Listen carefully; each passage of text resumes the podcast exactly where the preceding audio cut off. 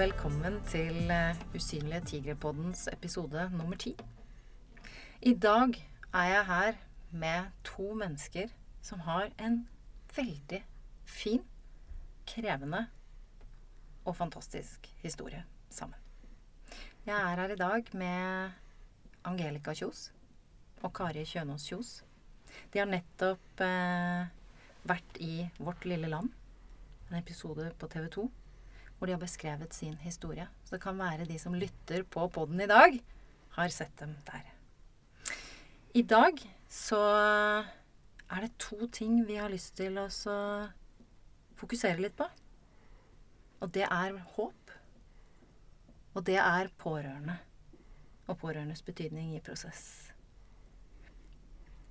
Angelica, du har eh, vært rusmisbruker. Ganske heftig, for å si det som Kari sa det i stad. Mm. Med en eh, ganske røff barndom. Mm. Mm. Og så en dag så møter du Kari. Har du lyst til å si litt eh, om hva som skjedde den dagen? Ja, altså TV 2 de gjorde jo en uh, Lagde en sak da om meg og min historie. Og hvordan på en måte systemet sviktet meg. Og da var det en reporter som het Håkon, som sa liksom til meg at det er en dame som du burde møte. Og jeg tror du kunne trenge henne, og hun kunne trenge deg. Og da kom liksom Kari med Per, da, mannen, og de kjørte og kom utafor uh, Bislett, der som jeg hadde blitt utsatt for en sånn hevnaksjon, en gruppevoldtekt.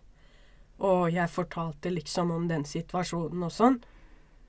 Og så um, sto hun der og skulle liksom uttale seg, da, om saken. Og da Da på en måte var jeg såpass fjern, da, med at jeg var veldig Hadde mye medisiner og rusa meg veldig heavy på den tida. Så jeg hadde på en måte ikke fått med meg helt hvem hun var. Nei. Så jeg skjønte ikke helt sånn Det kan hende at jeg hadde fått med meg det, men jeg klarer ikke å huske det, for jeg følte meg så fjern Mm. at uh, jeg skjønte liksom at uh, Hvem hun var etter hvert, da. Mm. Hvorfor hun skulle uttale seg i saken min.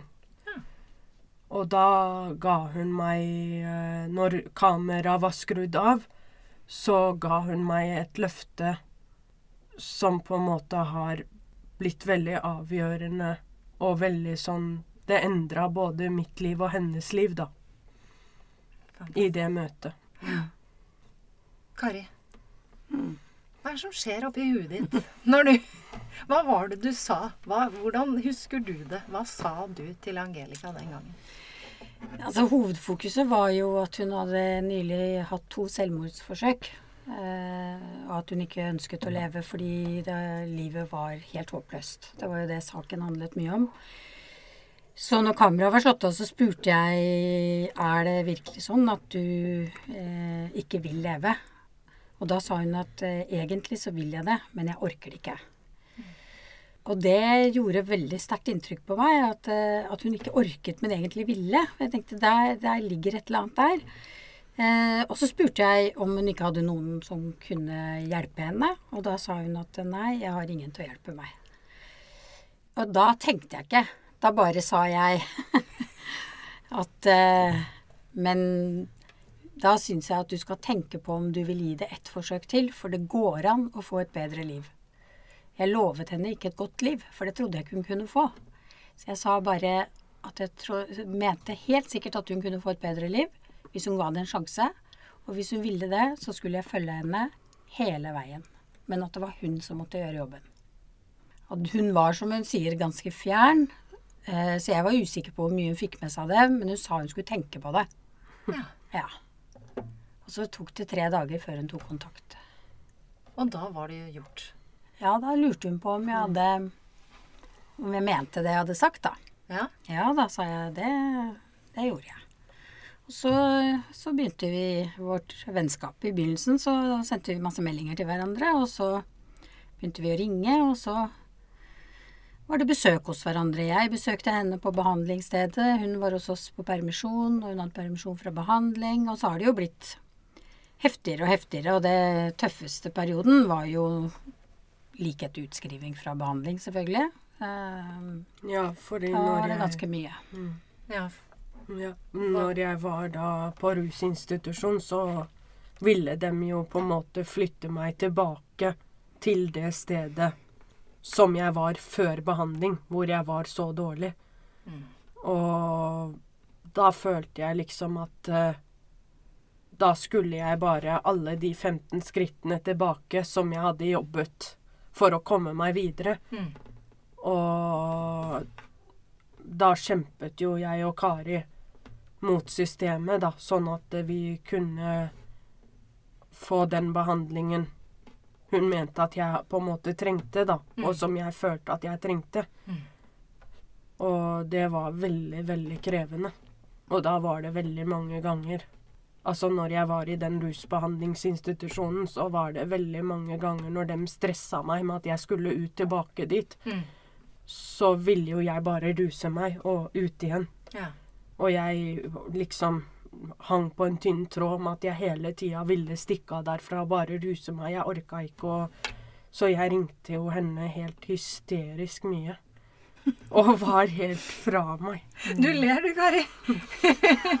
Jeg Ja. plagde livet av deg. Ja, så var det jo litt uh, ugunstige tider hun ringte også, i forhold til en som jobber mye og jobber på dagen og sånn. Hun ringte jo mye om natten. Ja. Ja. Så Fordi jeg var jo også veldig redd for å sove, og det var da på en måte russug og alt ble veldig ille for meg, da. Oh, ja. Av alle overgrepene og volden og alt sånn jeg hadde blitt utsatt for i barndommen. Så da på en måte Det var Slå ofte i hjel da tida med Kari. Da starter Så jeg fortalte om alle problemene mine, liksom. natterapi. Ja, natterapi. Mm. Den er interessant. Men Ut av det blå så kommer altså toppolitiker Kari og sier hei, her er jeg. Jeg skal følge deg hele veien. Ja, det var helt sykt. Jeg trodde ikke på det, liksom. Så jeg begynte jo å teste henne. Ja, Hva betyr det når du testa henne? Altså, det handler jo om å liksom teste i forhold til holdbarheten hennes, hvor mye hun tåler av meg, om hun, hun står liksom stødig i seg, om jeg liksom klarer å få henne til å svikte meg, sånn som alle andre, de sviktene jeg hadde ut, blitt utsatt for, da. Mm. Så jeg stolte jo egentlig ikke på henne. Og jeg stolte heller ikke på meg selv om at hun kommer til å holde det hun lovte. Mm. Og jeg tenkte jo mer jeg åpnet meg, Mm. jo mer detaljert jeg var, jo mer jeg kom med, så ville hun bare skjønne shit, oss hun jenta der jeg har vanvittig store problemer. Hva er det jeg har rota meg borti? Og da liksom bare si dette her kan jeg ikke. Jeg må trekke meg sånn som jeg var vant til, da, bli gitt opp. Ja. Fordi jeg var for traumatisert eller for krevende eller Mm. Så det var jo ofte sånt jeg tenkte gjennom å teste hva hun tålte, da. Så jeg kunne liksom ofte stille veldig mye sånn ikke Hva heter det? At jeg på en måte stilte sånn spørsmål med at jeg prøvde å gjøre alt jeg kunne for å kvitte meg med henne mentalt, da. Sånn Ja, du vil vel bli kvitt meg på en eller annen måte? At du stilte henne spørsmål sånn at hun skulle forsvinne? Ja. Mm. Jeg må spørre deg, Kari.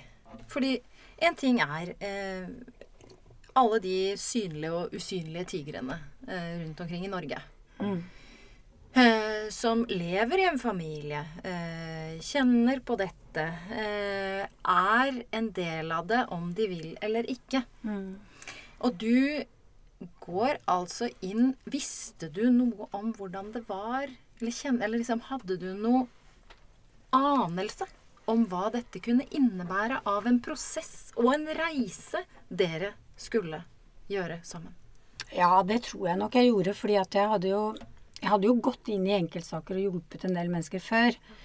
Eh, men ikke noen som har vært dønn aleine. Jeg har liksom bistått litt og, og hatt, hatt uh, tunge rusavhengige på besøk hos meg og tatt dem med meg på ting og sånn. Så jeg visste jo ganske så mye, og jeg vet jo om alle nedturene som de fleste andre pårørende står i. Og det var vel grunnen til at barna mine hadde jo ingen tro på dette. Altså, mm. De tenkte dette nå, Den lille fritiden mamma har nå, bruker, på, bruker hun på et case som er helt uh, lost, liksom. Ja. Uh, men uh, det som jeg opplevde, var vel egentlig at hun fra dag én virka som hun hadde bestemt seg for å gi det en sjanse. Jeg følte at det var ektefølt at hun ville gi det en sjanse. Eh, og um, underveis så syns jeg også at hun jobbet veldig hardt, for hun sto i så ekstremt mye vondt. Mm. Eh, og hun gråt så mye, og hun var så mye hysterisk at jeg skjønte at hverdagen var rett og slett helt jævlig. Mm. Og allikevel så ga hun ikke opp. Og da blir jeg enda mer innbitt på å få det til, for jeg tenker at da er det virkelig håp. Eh, når du jobber så hardt som det hun gjorde. Og det som var veldig sånn uvant for meg, var jo at Kari stilte en del krav. På hvilken måte? Altså, gjennom at jeg jobbet så hardt, så var jeg veldig sånn fort at jeg kunne tenke at jeg skulle ruse meg, eller nesten at, jeg Ja, at jeg fortjente det. Ja. Og jeg brukte det som en sånn der uh, argumentasjon når ting ble vondt og vanskelig. Ja. Men da sa Kari rett ut til meg at hvis du ruser deg, så kan jeg ikke være her mer. Men hvis du velger å jobbe for å bli rusfri, da kommer jeg til å være her, for jeg kan ikke fly gatelangs og lete etter deg når du er rusa.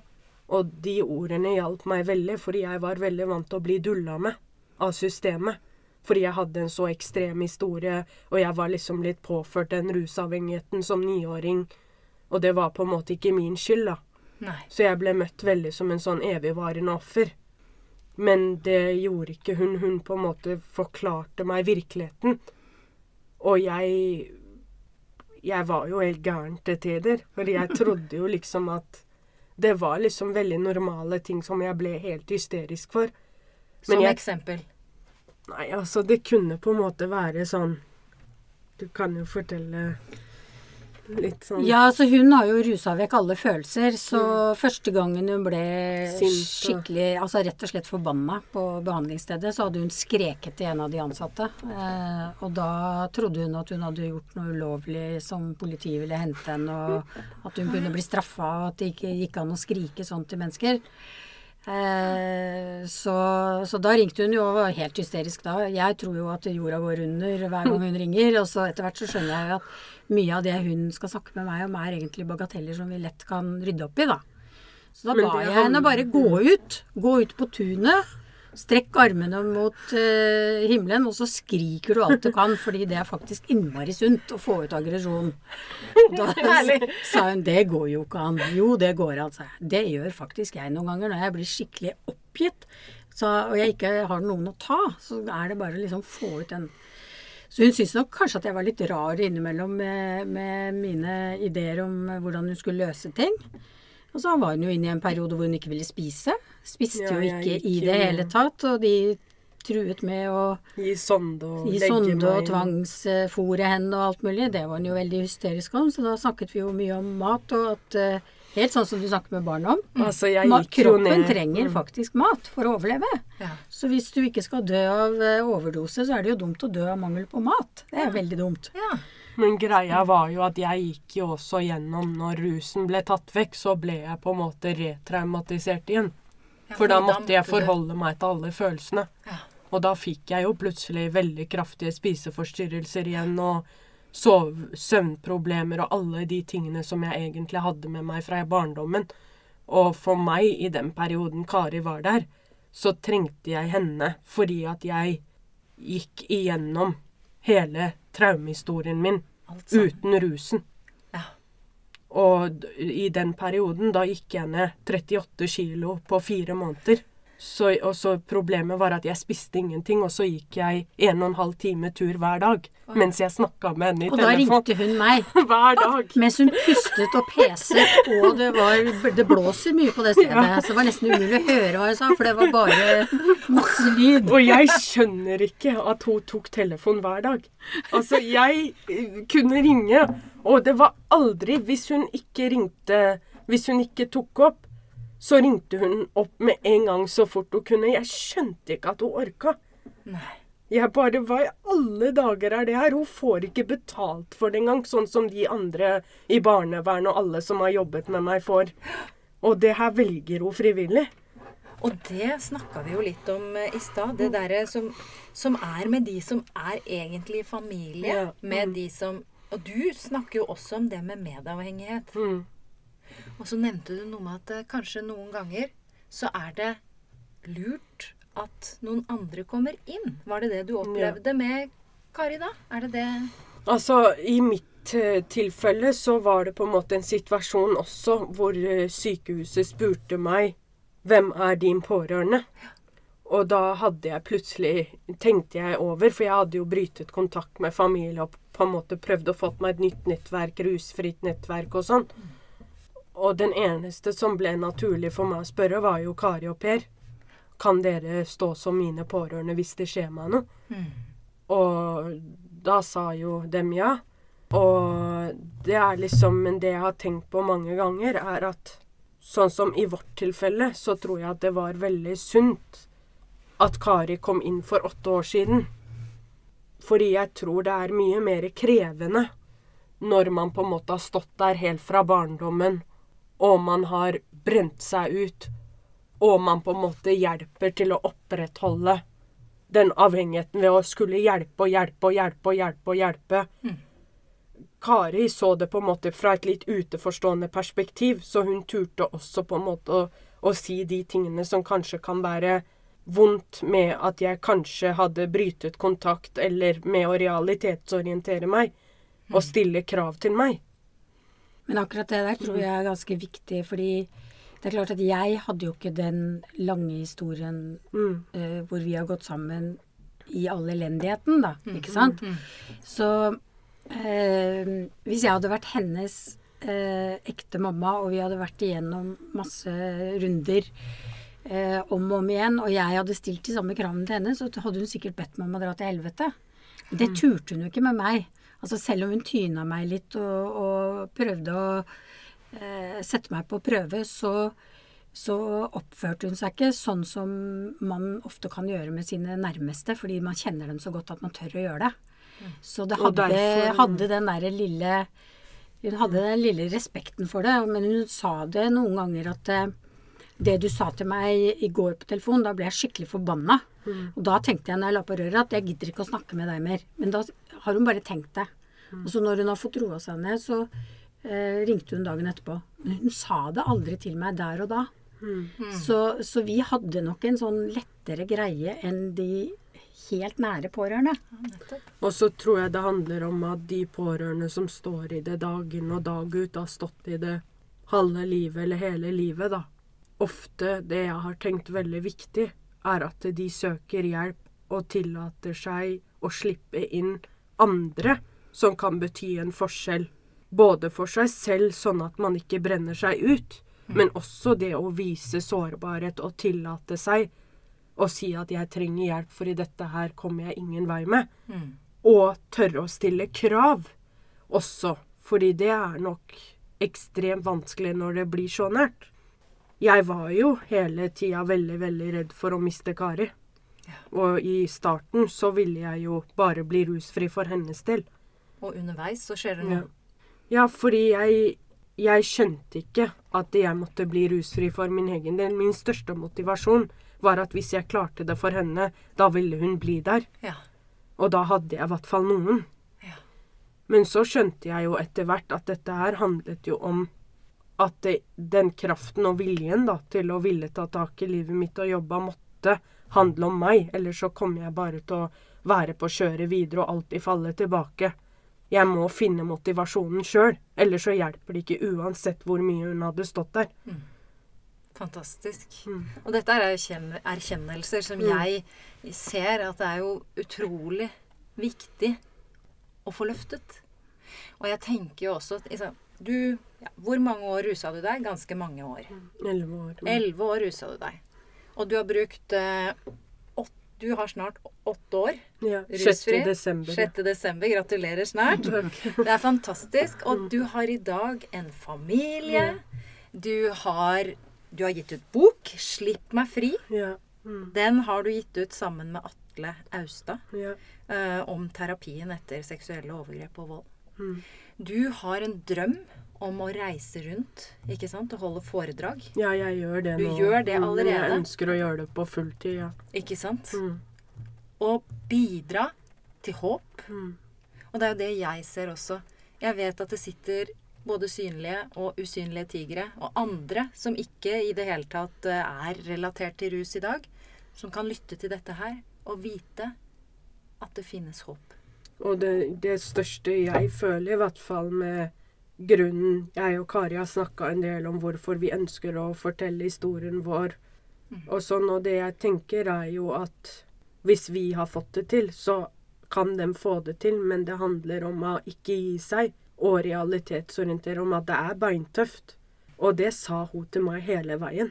Hun var ikke sånn dulla med meg og sa at dette kommer til å bli kjempeenkelt, og hun sa til meg hele veien det kommer til å bli skikkelig smertefullt og tøft. Men jeg står her hele tida ved siden av deg. Men du må gå veien selv, og du må ta det ansvaret over livet ditt. Og det er det jeg liksom har lært veldig sterkt, da. At alle kan vi bety en forskjell og gjøre noe. Og jeg tenker at pårørende der ute, de trenger å vite at det er håp uansett hva. Mm. Fordi jeg veit med hånd om hjertet at jeg kunne ha vært den som døde i overdose, for det har jeg forsøkt så mange ganger. Men det er en morsom eh, avslutning på det hele. Det er jo at Angelica sa til meg for en tid tilbake Du har tatt skikkelig feil en gang, Kari. Og det var når du sa at eh, jeg kan ikke love deg at du får et godt liv, men jeg kan love deg et bedre liv. Der tok du feil, for jeg har fått et veldig godt liv. Så herlig. Fantastisk avslutning på en podkast som gir håp. Som gir god innspill og innsikt om både rus og pårørende. At det går an å få lagd seg et nytt liv. At det er alternative løsninger. Tenk at det kommer inn en person og bare gjør som Kari gjorde. Tenk at du åpna deg. At du turte å stå der selv også, Angelica. Dere er fantastiske som deler deres historie. Jeg ønsker deg lykke til. Jeg håper du reiser rundt og møter mange mennesker og sprer håp på din vei. Og Kari, all ære, kred og respekt til den prosessen dere har gått gjennom sammen. Mm. Deg og Per og unga som har vært med i prosessen og blitt familien til Angelica og hennes familie. Fantastisk. Tusen hjertelig takk for at dere kom, begge to.